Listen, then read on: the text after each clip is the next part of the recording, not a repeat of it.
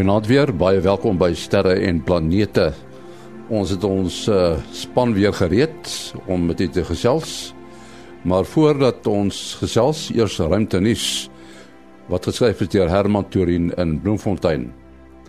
Suid-Afrika sal in 2024 die eerste Afrika land wees wat die kongres van die internasionale astronomiese unie aanbied sedert die unie 105 jaar gelede tot stand gekom het. Die kongres word elke 3 jaar aangebied en is die grootste byeenkoms van sterrekundiges. Die uitnodiging aan die Unie is tydens die pas afgelope kongres gerig wat vanjaar in Wene Oostenryk plaasgevind het. Die vorige wat in Hawaii gehou is, is deur sowat 3000 verteenwoordigers bygewoon. Die volgende in 2021 sal in Suid-Korea plaasvind waarna Kaapstad aan die beurt sal kom. Applous in die beheerkamer het gevolg na beeldmateriaal getoon het dat 'n Japaneese tuig tot 25 meter van 'n asteroïde af beweeg het. Dit is die eerste van twee oefenlopies voor die tuig bestem is om op die asteroïde te land en met materiaal wat bymekaar gemaak is na die aarde terug te keer. Die tuig Hayabusa 2 het op 27 Junie by die asteroïde Ryugu aangekom en op 'n afstand van so wat 2 km daarvan in 'n wentelbaan gekom. Die asteroïde is byna 'n kilometer lank en wentel tussen die aarde en Mars om die son. Tot sover dan ruimte nuus wat uh, geskryf is deur Herman Turin in Bloemfontein. Ons het uh, vanaand vir Kobus Olkers daar in Florida, Amerika.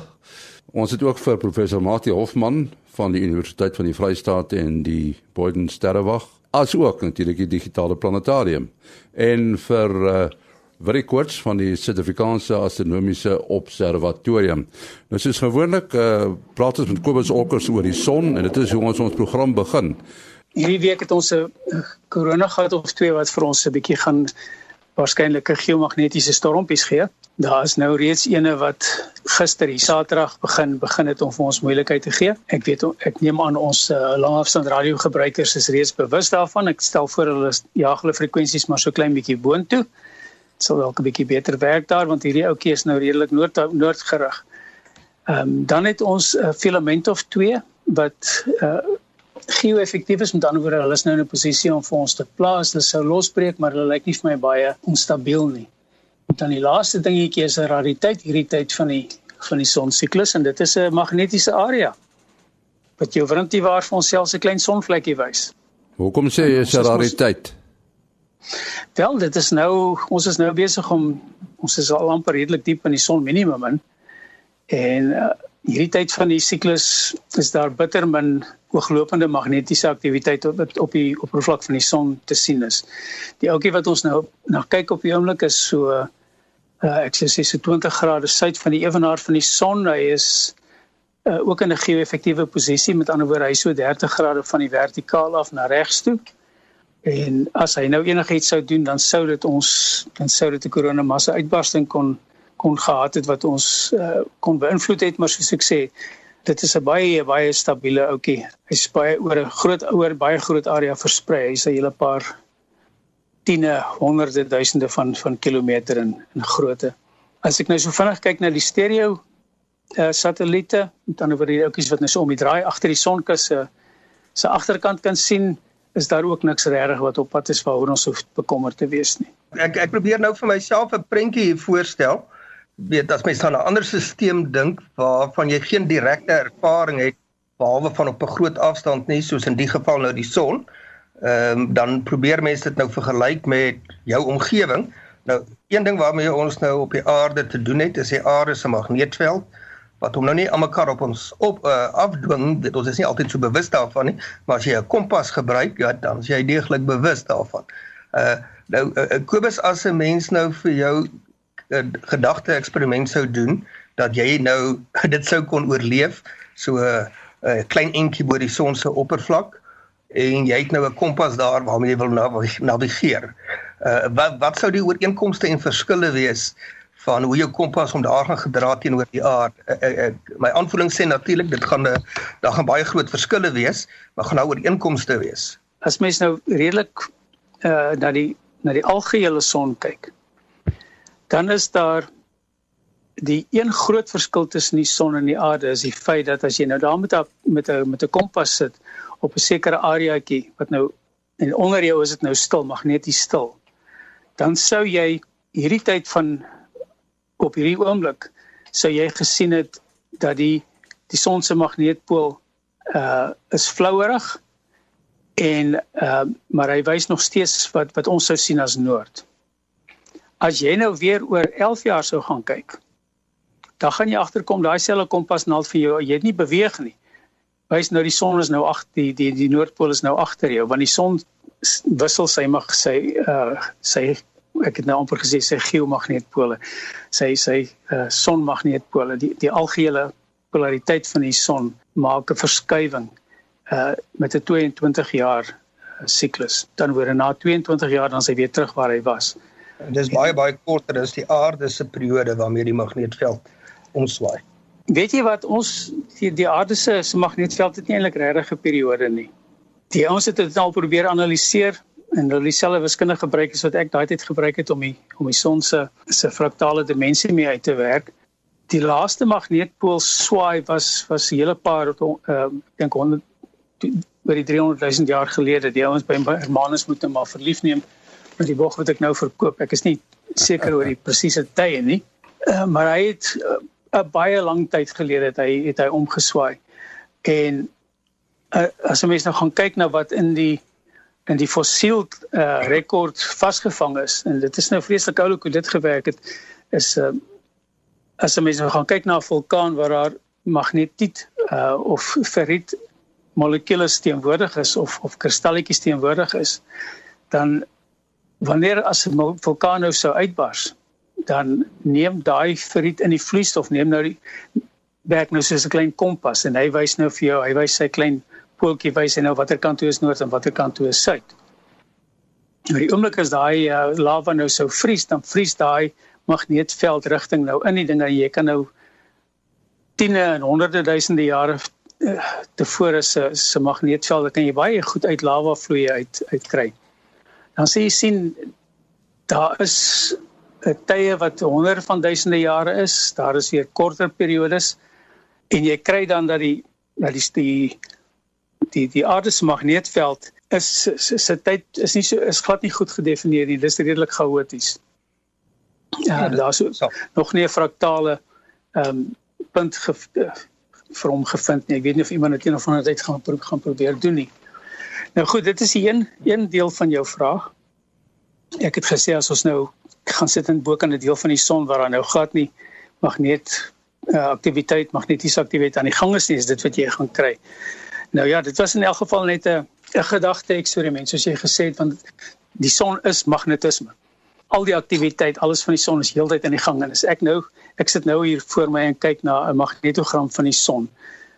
En dan sien ek soveel klein noordpooltjies en soveel klein suidpooltjies. Dis nou wat uh, uh noord en suid gerig is uh areas op die son dat as jy as jy met 'n kompas nou redelik op die oppervlakte kom kom ons sê in die oppervlakte van die son sal wees dan soos wat jy beweeg sal daai kompas links regs links regs wys want jy is besig om deur goed te gaan wat magneties aktief is dis hoekom ek net gesê jy moet end weg wees van die son af as jy die die algehele magneetveld wil meet as jy nou naby aan die son se oppervlakte self kom dan sê jy agterkom die jou kompasnaald wys.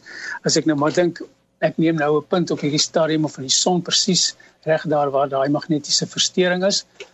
Uh dan sou ek sê jy gaan omtrent so 20000 km en dan vir daai 20000 km wys jou naald uh reguit noord. En dan skielik gaan hy nou suid swaai vir omtrent so 50000 km en dan gaan hy vir omtrent lyk my 1000 km gaan hy weer noordwes en dan weer omtrent 2000 suid jy kry die boodskap. Ehm um, ja, kry die boodskap. Uh, ja, jy is redeloos so verdwaal. Ja, nee, uh, jy op die son sou jy eintlik 'n GPS satelliet rondom wou gehad het as jy ja. as jy dit sou uitgereken het. En dan is dit natuurlik die probleem die hele ding is vloeibaar, jy weet alles beweeg. Dis nou maar die ding wat ons sê as 'n die die son is nie soos die aarde 'n soliede massa nie, hy is 'n bol plasma. Die afgelope week nou Woensdag die die 17de kry ek 'n WhatsApp van iemand wat 'n hele netwerk van um Wi-Fi internet bedryf en en verplaas en so aan en en hy sê toe of ons weet wat aangaan hy het gevra of haar oonreën aan die gang is. Dis nou nie seker nie heeltemal die die regte term nie maar uh, sê die ouens hardloop rond soos soos dronkhoenders om om probleme te probeer oplos. Hulle sit moet met hulle hande in hulle hare en en uh, hy sê toe uh, hulle in Telkom en Seacom en video kom dit ek mens alles mense want hy sê almal wat radio's gebruik die radio's neem ek dan nou aan is is die internet uh, 'n uh, hoë frekwensie band goed is. Um en uh, toe het ek hom verwys na uh, uh, spaceweather.com en um en ek het gesê jy moet eintlik eintlik gaan luister wat jy die vorige week se weer vir 'n uh, ruimte weervoorspelling ge, ge, ge, gesê het. Um so weet jy van iets wat wat Woensdag 'n uh, probleem kon veroorsaak het? Jong, daar was niks om uh, wat so so drastiese ehm um, ding op die op die op veral op die wifi frekwensies kan hê. Jy weet die ouens werk daar in die gigahertz rond. Waar ons gewoonlik die verskille voel is is onder 30 megahertz. So dit is 'n ja. baie baie baie groot verskil. Maar wat wel Woensdag aan die gebeur was wat ek op gehoor het hier is is dat daar was 'n groot probleem met die met die internet oor die algemeen. YouTube het blykbaar sy sy sy strome verloor vir 'n vir 'n geruime tyd. Ons sal seker een of ander tyd hoor ek hou nog die die die tegniese pers dop oor daai ding, maar niemand het nog regtig die ding vasgelê nie, maar van die son se kant af was daar niks wat dit kon be, beïnvloed nie. Ons het 'n 'n bietjie van 'n geomagnetiese storm gehad wat eintlik nie baie baie sterk was nie wat pragtige mooi rooi auroras uh, gemaak het. Ek sit nou en kyk na 'n prentjie van hulle, maar die soort van ding kan kan nie eintlik die internet beïnvloed nie. Nou goed, kom ons gesels oor iets anders en ek dink uh vir my tamelik opspraakwekkend was uh die voorval toe die Soyuz uh gelanseer is met met bemanning en toe daar iets gebeur en hulle is toe veilig terug na die aarde toe uh gebring. Dat dit neer hulle stryk nie neer nie. Ek dink hulle plons amper neer op die aarde. Maar uh maatie weet jy presies wat daar gebeur het? Ja die kyk die die, die Soyuz tuig is 'n baie betroubare tuig en ons het baie baie lanklaas enige so 'n uh, nuus ekning gekry waar 'n bemande landering skeef geloop het. Maar ons het nou onlangs het ons nou van sê SpaceX of van die ander kommersiële ouens uh, vuurpyl gehad wat ontplof het, maar dan sit nou onbemande sendings. Nou in hierdie geval was dit so iewers tussen 1 en 2 minute uh, volgens die laaste inligting wat ek gesien het wat die die tweede fase vuurpyl daardie uh, hy moes vuur dit skeef geloop het en uh ek weet nie presies hoeveel dinge dan outomaties gebeur nie want dit, hulle moet nou baie besluite neem. Ek kan my voorstel dat die twee ruimtemanne die een is 'n uh, is 'n Rus en een is 'n Amerikaner uh dat hulle nou waarskynlik 'n bordknopie moes druk. Uh en toe het is hulle kapsule ge, geskuif van die van die res van die vuurpyl en hulle het in 'n ballistiese terugkeermodus gegaan. Nou ballisties beteken uh geen aandrywing nie net volgens die aarde, die effek van die aarde en dan spesifiek ook op 'n taamlike styl hoek sodat hulle so gou as moontlik kon terugkeer na die na die aarde, weet kan kan kan land. Wat wat nogal indrukwekkend is, of was daar baie baie lanklaas so 'n uh, 'n voorval, is daar 'n hele aantal noodspanne ontplooi al op die roete wat die vuurpyl nog oor die land sou uh sou vlieg. En dit is die lansering het plaasgevind van uh vanuit Rusland. Uh die uh, Baikonur. Ek uh, as dit nou die regte uitspelling uh spelling uh, Baikonur ja. Ja Baikonur die bekende lanseer uh stasie daarso. Ehm um, en uh, die die noodspan was blykbaar nadat die tuig nou met sy uh, die kapsule met sy valskerm geland het was die noodbemanning baie gou daar So ek dink die die wyse waarop die noodplan gewerk het is 'n pluimpie vir die vir die tuig en die hele bestuurspan wat dan nou al die prosedures en goed inoefen. Ons weet hoe dit gaan as jy nou moeilikheid verwag en dit gebeur nie en dat gaan genoeg kere uh goed dan begin jy begin uh, dan sal jy geneig wees om te verslap op jou uh noodmaatreëls. Maar in die geval het hulle nie, hulle was presies gereed En nou wel, dit veroorsaak nou 'n bietjie probleme want daar is uh nou nie 'n uh, uh, uh, daar's nou ondersoek en terwyl daar ondersoek is, is die Soyuz tuig wat die enigste tuig is wat op die oomblik bemanning na die ruimtestasie toe kan neem, is nou geground soos hulle sê. Hy mag nou nie vlieg nie.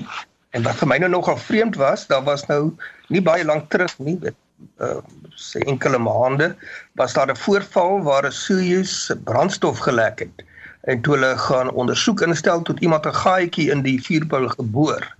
Nou dis nogal 'n vreemde ding by sulke hoë sekuriteits uh, instellings dat iemand 'n gat van geboor in 'n 'n ruimtetuig. Uh so ek dink hulle sal nou maar kyk of daar dalk sabotasie of so iets kan kan wees maar waarskynlik is dit nou maar iets wat van tyd tot tyd sal voorkom. Ja, so, ja. soos wat ek dit nou verstaan het is dit uh, die booster uh, vuurpyle. So jy het mos nou die hoofmetode en dan jy hierdie vier um, stief vuurpyle of of uh, aanjaar vuurpyle die boosters wat hom nou sy aanvanklike spoed gee. En ek weet nie of dit een of almal is wat wat nie wat nie geontkoppel het nie. Um, nou ek weet met die ek is seker van die Russiese stelsel nie ek weet die die die die ruimte die Amerikaanse stelsel uh gebruik hulle wat hulle noem explosive bolts. So dit is basies 'n bout met 'n bietjie plofstof in en en hulle skiet dan die boute gelyk af want jy moet ehm um, die goed baie gelyk afskiet anderster uh omdat hy teen so 'n hoë snelheid beweeg as die een bietjie later los as die ander een dan begin die ding onstabiel te hardloop. So uh, dit klink vir my wat ek as as ek dit reg verstaan het was dit een of almal van die uh, uh van hierdie aanjaar vuurpyle wat nie los wat nie los ontkoppel het nie. En en nadat hulle uitgebrand is en en toe hulle moes moes ontkoppel soos jy gesê het en oorgaan na die tweede stadium. Wat vir my nogal baie interessant was is die is die ont, die veiligheidsontwerp wat ingebou is in die jy weet die veiligheid wat in die ontwerp van die stelsel ingebou is. Uh dit het my aandag nou nogal getrek. Ehm um, dis nou als goed en wel die die stiefvuurpyle het ja, het het geweier op 'n stadium. Maar as mense nou gaan terugkyk na uh, na die na die ehm um, lanserings wat in die verlede met met bemande vuurpyle gebeur het was daar nie genoeg van die van die mense oor wat jy in 'n teelepel kon optel nie. Ehm um, maar in hierdie geval het hulle dit reg gekry om daai kapsule wat die mense insit nommer 1 so stewig te maak dat hy dat hy so basiese beheerde ontploffing onder hom kon hanteer en dat hy homself heeltemal self kon ontkoppel van die res van die van die van die falende stelsel en die mense die die, die twee bemanningslede veilig uh grond toe kon bring in een stuk en soveel sodat hulle alweer klaar terug by hulle families is. Dit sê fyn nogal heelwat van die van die klem dat die klem is op die bemanning en nie oor oor die ding oor die um die stelsel self nie. 'n Ander vraagie wat my wat wat ek het is die die Soyuz kapsule self is baie veilig. So ek kan nie verstaan hoekom stuur hulle net 'n hol kapsule op na die ruimtestasie toe om die mense daar te gaan afhaal nie. Die mense wat nou daar vassit. Ja, wat seker sekerlik sal gebeur is soos met 'n vliegtuigongeluk, nee, daar kom 'n ondersoek soos Mati gesê het.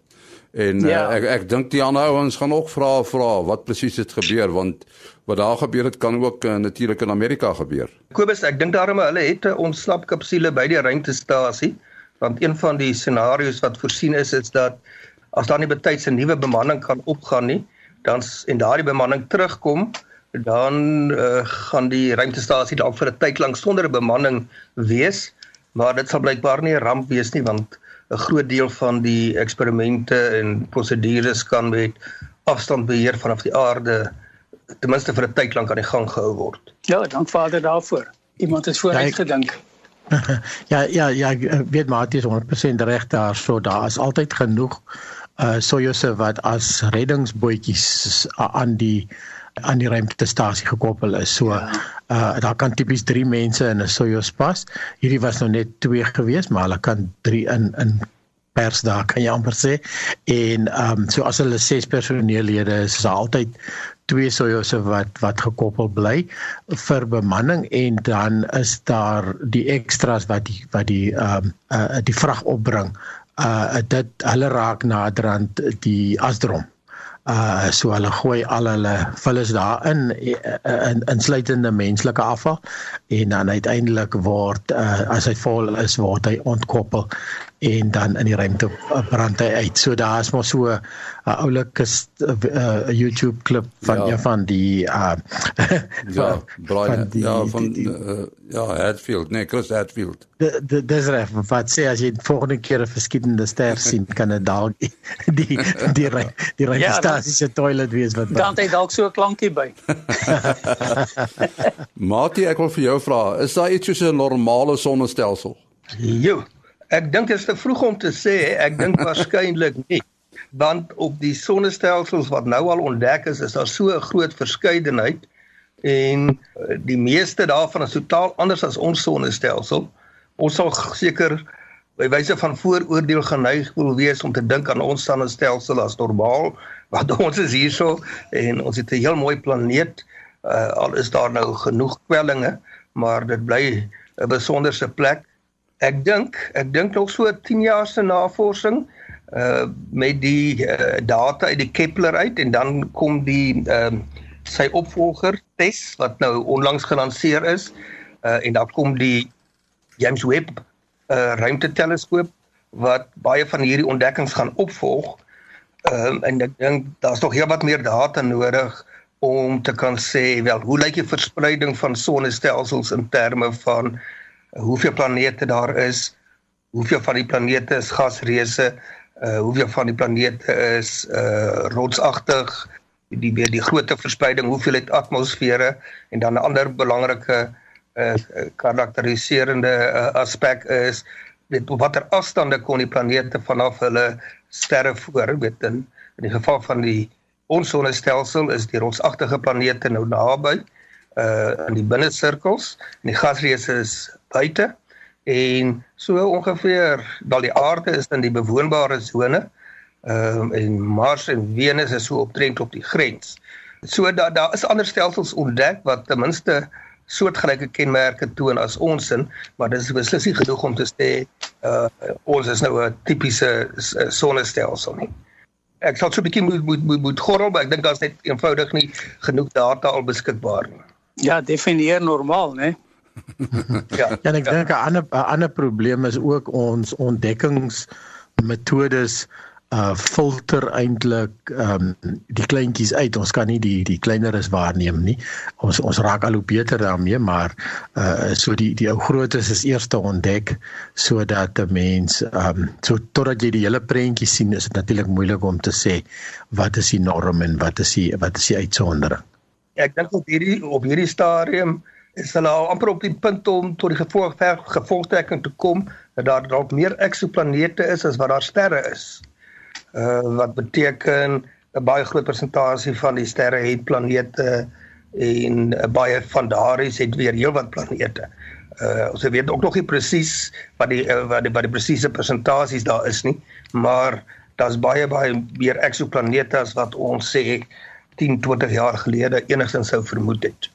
Ja, mense sê seker kon sê dat dit uh, miskien tipies is dat 'n ster planete het. Dit maak nou nie saak watter volgorde hulle is nie, maar dat die neiging is dat uh meeste sterre het planete, is ek reg? Dit klink vir my al 'n taamlike veilige ding om te om te sê of ten minste is dit veilig om te sê 'n baie groot persentasie van sterre het 'n paar planete eerste is, dit sal ons nog ook seker in die volgende 10, 20 jaar weet. Ja, as mens kyk nou die die die, die stervorming en en planeetvorming. Ehm um, dit is 'n stukkie fisika wat normaal is wat wat wat wat gaan gedupliseer word deur die heelal. Ons ons het dit redelik goed al vasgetrek. So as jy 'n wolk van van van waterstof of as jy nou 'n groter planeet, 'n groter ster gehad het wat wat al bietjie swaarder elemente het, is is die die wet van gravitasie wat nou die wat nou die ding in, in mekaar trek totdat hy uiteindelik 'n uh, die ster self 'n ster vorm en dan die die ander materiaal wat rondom hom gaan in 'n skuif daai uh, wette van die natuur verander glad nie. So dit maak eintlik sin dat elke ster moet eintlik planete hê. En soos ons nou hierdie week nou gehoor het, het nou al maane, selfs maane het nou al maane, né? Ja, uh, en 'n ander argument wat mense ook sou gebruik, uh, ek het dit nou al op die program uh, genoem as sê nou maar jy besluit om te gaan diamante soek op die strand. En die eerste vierkante meter waar jy soek, kry jy 'n baie kosbare diamant. Uh, dan gaan jy baie sterk vermoed dat daar baie diamante op daai strand is. Nou die analogie wat ek wil gebruik is as ons nou ons naaste ster neem Proxima Centauri, Nou dit is 'n wit dwerg of 'n uh, rooi dwerg, ek het nou vir 'n oomblik vergeet, rooi dwerg. Uh en daarso is 'n planeet vergelykbare grootte met die aarde. Dit is ons heel naaste ster. En uh weet dit gee daarom 'n statistiese aanduiding dat uh dit nie baie ontipies kan wees nie. En as die planeet in die sogenaamde goue lokkie sone. Uh in die geval van uh Proxima Centauri, ek dink hulle uh, uh die die die bewoonbare sone daar gaan bietjie moeilik definieerbaar wees want dit gaan nie net oor die afstand nie. Uh ek dink hy's wat temperatuur betref is hy uh redelik naby aan die bewoonbare sone. Wat daai rooi dwerg anders maak as uh byvoorbeeld ons son is dat hulle baie kragtige uitbarstings kan kan ondergaan. Ek dink baie kragtiger as die van die son. Ehm uh, en dit sou baie sleg wees vir enige lewende wesens op 'n planeet wat so naby is as uh, wat daardie Proxima Centauri se planeet is. Ja, die ruimte weer in, in die omgewing van daardie ster is uh is 'n bietjie erg. Uh daar sal geen atmosfeer kan vorm op die planeet of enige so iets nie. Op daai noot moet ons afsluit. Uh Kobus, wat is jou besonderhede? kobusolkers@gmail.com k o b u s o l c k e r s@gmail.com En dan wil jy? Ja, mense kan bel, WhatsApp of SMS 072 4579208. 072 4579208. En dan Mati. Uh, 083 625 7154. 083 625 7154. En dan my e-posadres maas.henny@gmail.com. maas.henny@gmail.com. Volgende week is ons weer hier. Tot dan, alles van die beste.